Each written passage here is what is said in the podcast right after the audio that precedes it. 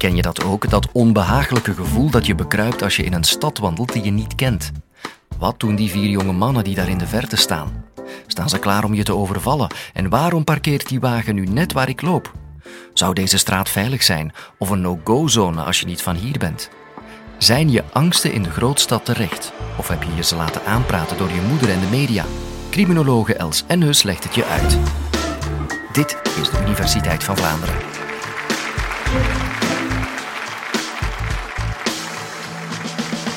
Vind het eigenlijk een beetje een rare vraag. Waarom zijn ze bang in Brussel? Het zou beter zijn, waarom zijn ze bang in de stad?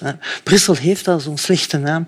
Brusselaars vinden het eigenlijk best wel veilig eh, in hun stad. Het is net gemeten en ongeveer 80 procent van de Brusselaars voelt zich veilig tot zeer veilig. Kan u dat bedenken? Meestal niet. Hè? Maar wat vinden jullie van die vraag? Is er iemand bang om uh, naar Brussel te gaan of in Brussel te komen? Steek je hand op. Zijn er mensen? Ja, niet veel.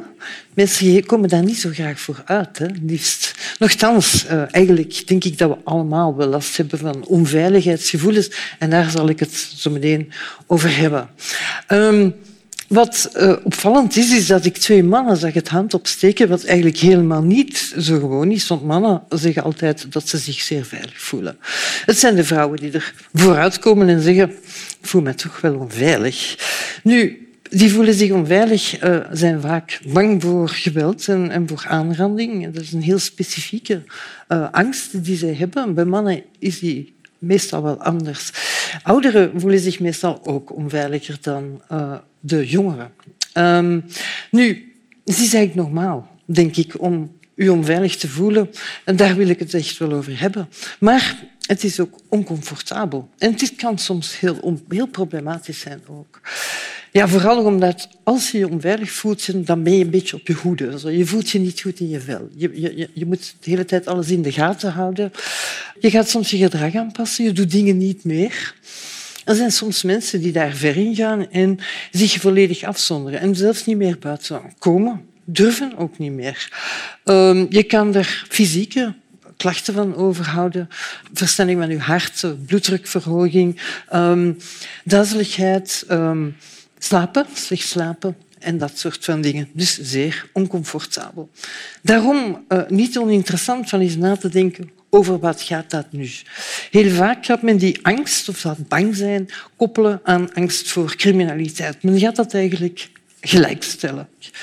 Maar onderzoek dat wij dan doen, criminologen, wijst uit dat dat eigenlijk niet helemaal klopt. Omdat we zo met een schepnet eigenlijk alle vormen van angst die we hebben bij elkaar nemen, die misschien niet allemaal te maken hebben met criminaliteit. Dat wil ik jullie nu uh, verder uitleggen.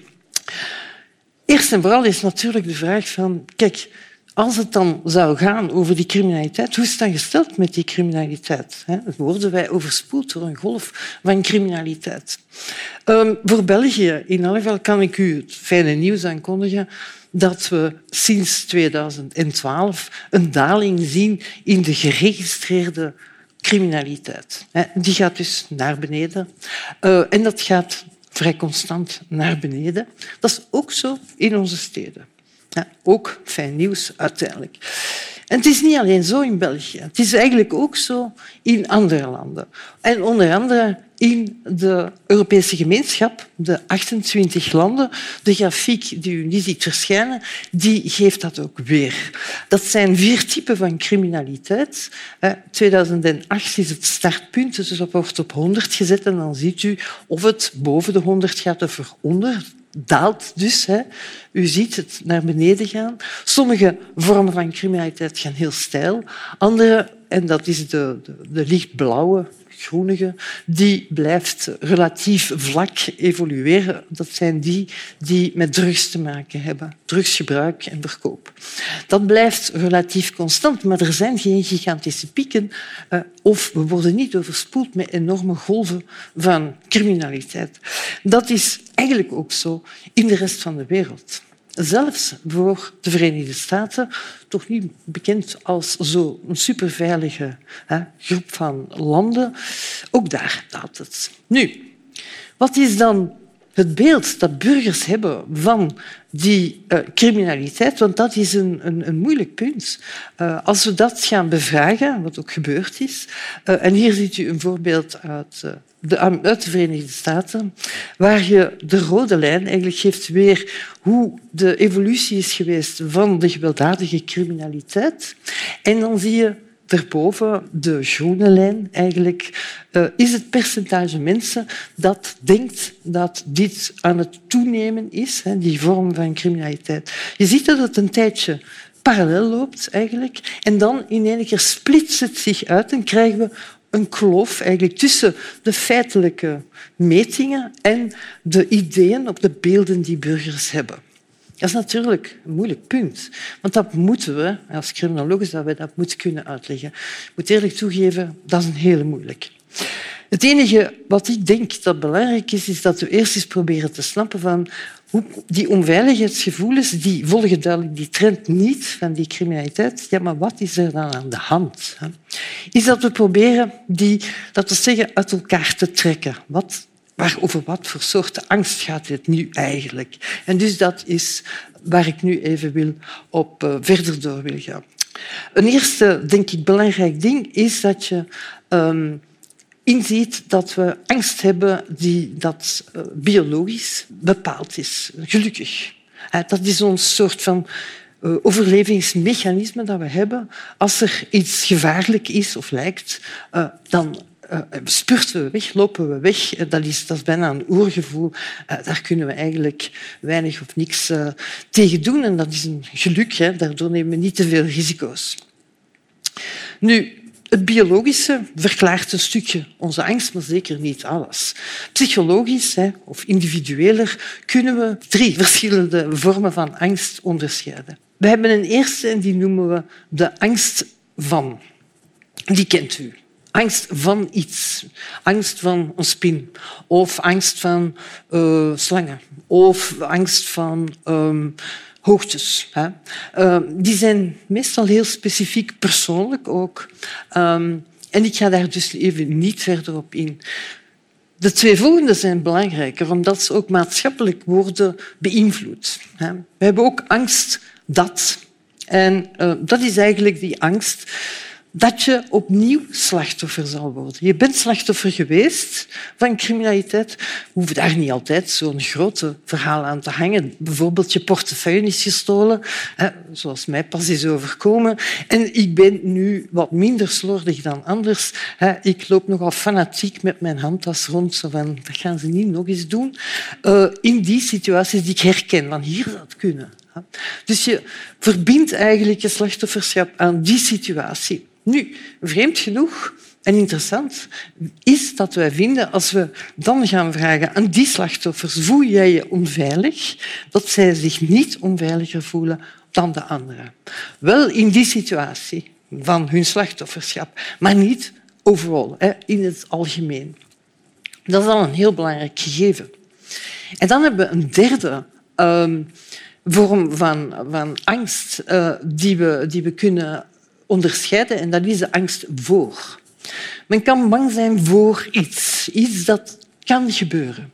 Dat is eerder een soort van projectie in de toekomst. Je bent zelf geen slachtoffer geweest, maar wat als dat misschien kan gebeuren? Hoe komen we aan die angst? Wel, die is vooral gebaseerd, weten we, uit, op verhalen. Verhalen die we halen uit onze naaste omgeving. Uh, familie, vrienden, kennissen. Dat kunnen ook de ouders van de school, die aan de schoolpoort staan. Hè, de verhaaltjes die worden verteld aan elkaar. En dit wordt ook nog eens aangevuld door media, hè, die, uh, zeker als het gaat over criminaliteit, dingen graag blokletteren en heel sterk naar voren schuiven. De sociale media, hè, waar we nu veel sneller met elkaar communiceren. Dus we krijgen een hoop aan dit soort van verhalen binnen. Dat is ook niet nieuw.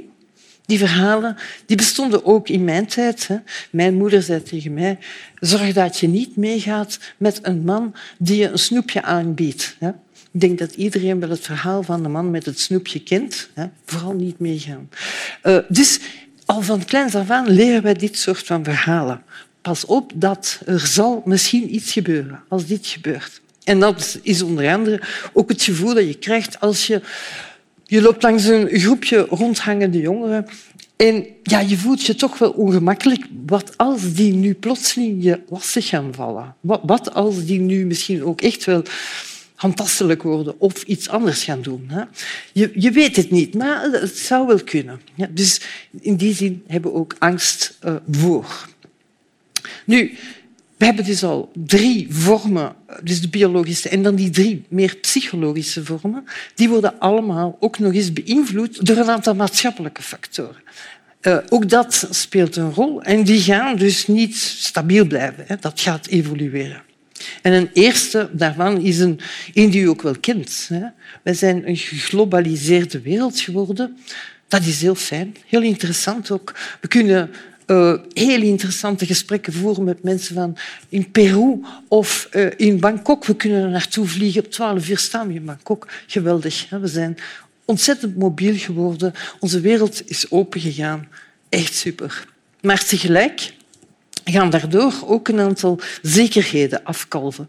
En onder andere ook omdat economische processen ook mondialiseren, hè? ook globaal denken. En dus gaan denken, ja, kijk, als wij in dat land onze t-shirtjes laten maken, dan moeten we daar veel minder loon voor betalen. En dan gaan de prijzen ook weer dalen. Fijn, dan maken we ze daar. Onze textiel eh, verliest jobs. En eh, goed, we, hebben dus allerlei bewegingen die er mondiaal gebeuren, economisch um, en ook sociaal. En die maken ons ook eigenlijk tegelijk uh, onzeker.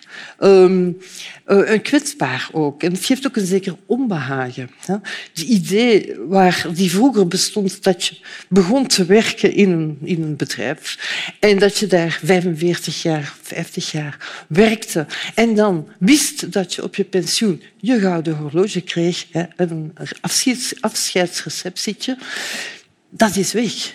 We hebben niet die zekerheden meer. Die toekomst is onzeker geworden. Dat maakt dat mensen uh, zeggen, wij criminologen, dat mensen dat gevoel, dat idee ook gaan vertalen als een gevoel van kwetsbaarheid en dus ook bang voor criminaliteit. Men gaat dat daarmee mee, mee vereenzelvigen. Dat is niet altijd zo. Nu, tegelijk hebben we een tweede beweging, die is echt ongelooflijk interessant, omdat tegelijk bij die mondialisering, die globale, die globale wereld waar we in leven, dat we eigenlijk ook op zoek zijn naar die zekerheid en, en, warmte en erkenning en al dat soort van dingen. We gaan dus ook ons tegelijk, samen met het openstellen, terugtrekken in kleinere groepen. We gaan connecties maken met mensen die ja, eenzelfde idee hebben als wij, dezelfde hobby's, uh, dingen leuk vinden, en dus als je dit doet, dat is super natuurlijk, maar tegelijk uh, maak je een groep. En een groep kan natuurlijk niet eindeloos groot worden. En ga je dus insluiten, je bent lid van die groep, maar daardoor sluit je anderen uit. En dus je krijgt een beweging waarbij je mensen in- en uitsluit. En dus doordat je steeds in dezelfde groepen functioneert, heb je afstand tot andere mensen, worden, die kunnen dingen doen waarvan je denkt dat is vreemd. In mijn groep doen we dat zo niet. Dat, dat, dat, dat is niet de manier waarop wij denken of omgaan met elkaar. Of standpunten die we innemen. En dus krijg je ook angst voor het vreemde uh, of de vreemde. En dat zijn twee bewegingen in één klap. Dat is echt heel speciaal eigenlijk. Goed, dus we hebben nu denk ik, een beetje die angsten allemaal uit elkaar gepuzzeld. Hè? En dan is de vraag natuurlijk, hoe zit dat dan met die grootstad? Moeten we dan, uh, is er dan ook angst voor die stad? Ja, die ligt er eigenlijk een beetje een laag nog bovenop. En dat is ook weer... Uh, omdat we twee verschillende visies eigenlijk al van oudsher bij het ontstaan van de steden zijn tot stand gekomen. De stad aan de ene kant als een oord van verval, van gevaar, van normloosheid, uh, waar alles kan, um, criminaliteit. En aan de andere kant een stad die mogelijkheden geeft, ontplooiingen geeft, kansen biedt. Hè. zijn twee manieren om naar de stad te kijken die nog altijd geldig zijn nu. En afhankelijk van de bril die je opzet, die waarmee je kijkt naar de negatieve kanten, de verval, criminaliteit of de mogelijkheden, ga je anders je opstellen ten aanzien van de stad en ook dus bang zijn. Daar een, een, een, een, een angst eigenlijk uit afleiden. Dus dat is een eerste aspect waar die stad een rol speelt. Een tweede is dat we ook weten door onderzoek dat de gebieden waar wij wonen, dat is ook in, eh, als je niet in de stad woont trouwens, je hebt een soort van mentale kaart in je hoofd. Een soort van ruimte die jij als jouw ruimte ziet. Daar voel je je veilig, die ken je. Je weet dat de kerk daar staat, je weet dat dat daar is, je weet dat daar de bakker is, je weet dit. Je weet dat als je die wegneemt, dat gaat gebeuren, enzovoort. Dat is een mentale kaart. In die plekken waar we, dus wanneer we in die ruimtes ons bewegen van onze mentale kaart, gaan we ons veiliger voelen dan wanneer we daar buiten gaan. Dat is ons onbekend. Uh, dus we gaan opnieuw een element hebben om, om veilig te voelen. Dan hebben we nog een derde uh, element. Dat is uh, een, element waarbij we bijvoorbeeld een buurt kunnen die we niet kennen. Laten we dat als voorbeeld nemen. En we lopen daar rond en we zien een hele massa aan sluikstorten. Ja, wordt gewoon allemaal neergegooid. En er hangt enorm veel graffiti. We gaan heel vaak, dat blijkt ook uit onderzoek, die twee dingen aan elkaar linken, graffiti en sluikstorten, om dan te zeggen dat is een wijk waar niemand eigenlijk mee bezig is. Uh, dat is een verloederde wijk. En dus dat is een wijk waar criminaliteit is. We gaan dat koppelen. Dat is een vooronderstelling, want die koppeling die hoeft helemaal niet te kloppen. Maar dat is wel hoe wij denken. Het is dus wat we noemen een signaalcriminaliteit. We zien dat als signalen voor de mogelijkheid dat er criminaliteit is. En we gaan dus ook een stigma aan die wijken geven. Van dat zijn wijken die... Ja, daar moet je echt niet komen. Hè. Dat is een wijk die is echt wel ja, gevaarlijk en, en, en, en mogelijk... Uh, allez, je moet dat mijden, zo, die wijk. Dat is een, een, een derde element waarin we om hoe we omgaan in een stad en mogelijk onveiligheidsgevoel kan opwekken. En een laatste, en dat is dan meer om de vrouwen een hart onder de riem te steken, maar dat is ook, eh, ik denk dat dat heel belangrijk is ook. Um, uit recent onderzoek kom ik steeds meer tot de vaststelling dat een stad eigenlijk uh, is geconcipeerd en, en vorm krijgt door vorm heeft gekregen, ook in het verleden, vanuit een mannelijke soort van manier van denken. Een mannelijke dominantie. Het was vroeger veel logischer. Mannen waren uh, in de publieke ruimte, uh, de vrouwen bleven in de private ruimte. Die scheiding heeft gemaakt dat de stad heeft vorm gekregen via mannen. En je ziet dat er dus eigenlijk nog steeds ruimtes zijn waar ruimtes, straatjes, pleinen, waar je als vrouw eigenlijk niet echt welkom bent, waar het het domein van mannen is. Ik heb het pas met mijn studenten nog meegemaakt toen we aan het wandelen waren door uh, Brussel, uh, waar we dat allemaal heel sterk ook hebben gevoeld. Van hier horen wij niet thuis, was in de prostitutiestraat na vijf uur s'avonds. Als je daar dan bent, dan ben je als groep, daar, ook als, als vrouw, niet welkom of je bent prostituee. Dat is een mannendomein. Dat is een, plek voor mannen, niet meer voor vrouwen. Tenzij als prostituee. Dus die stad heeft eh, een, een, zeer mannelijke component in haar vormgeving. Dat zie je bijvoorbeeld heel sterk aan het feit dat er geen publieke toiletten zijn voor vrouwen. Ja? Wel voor mannen.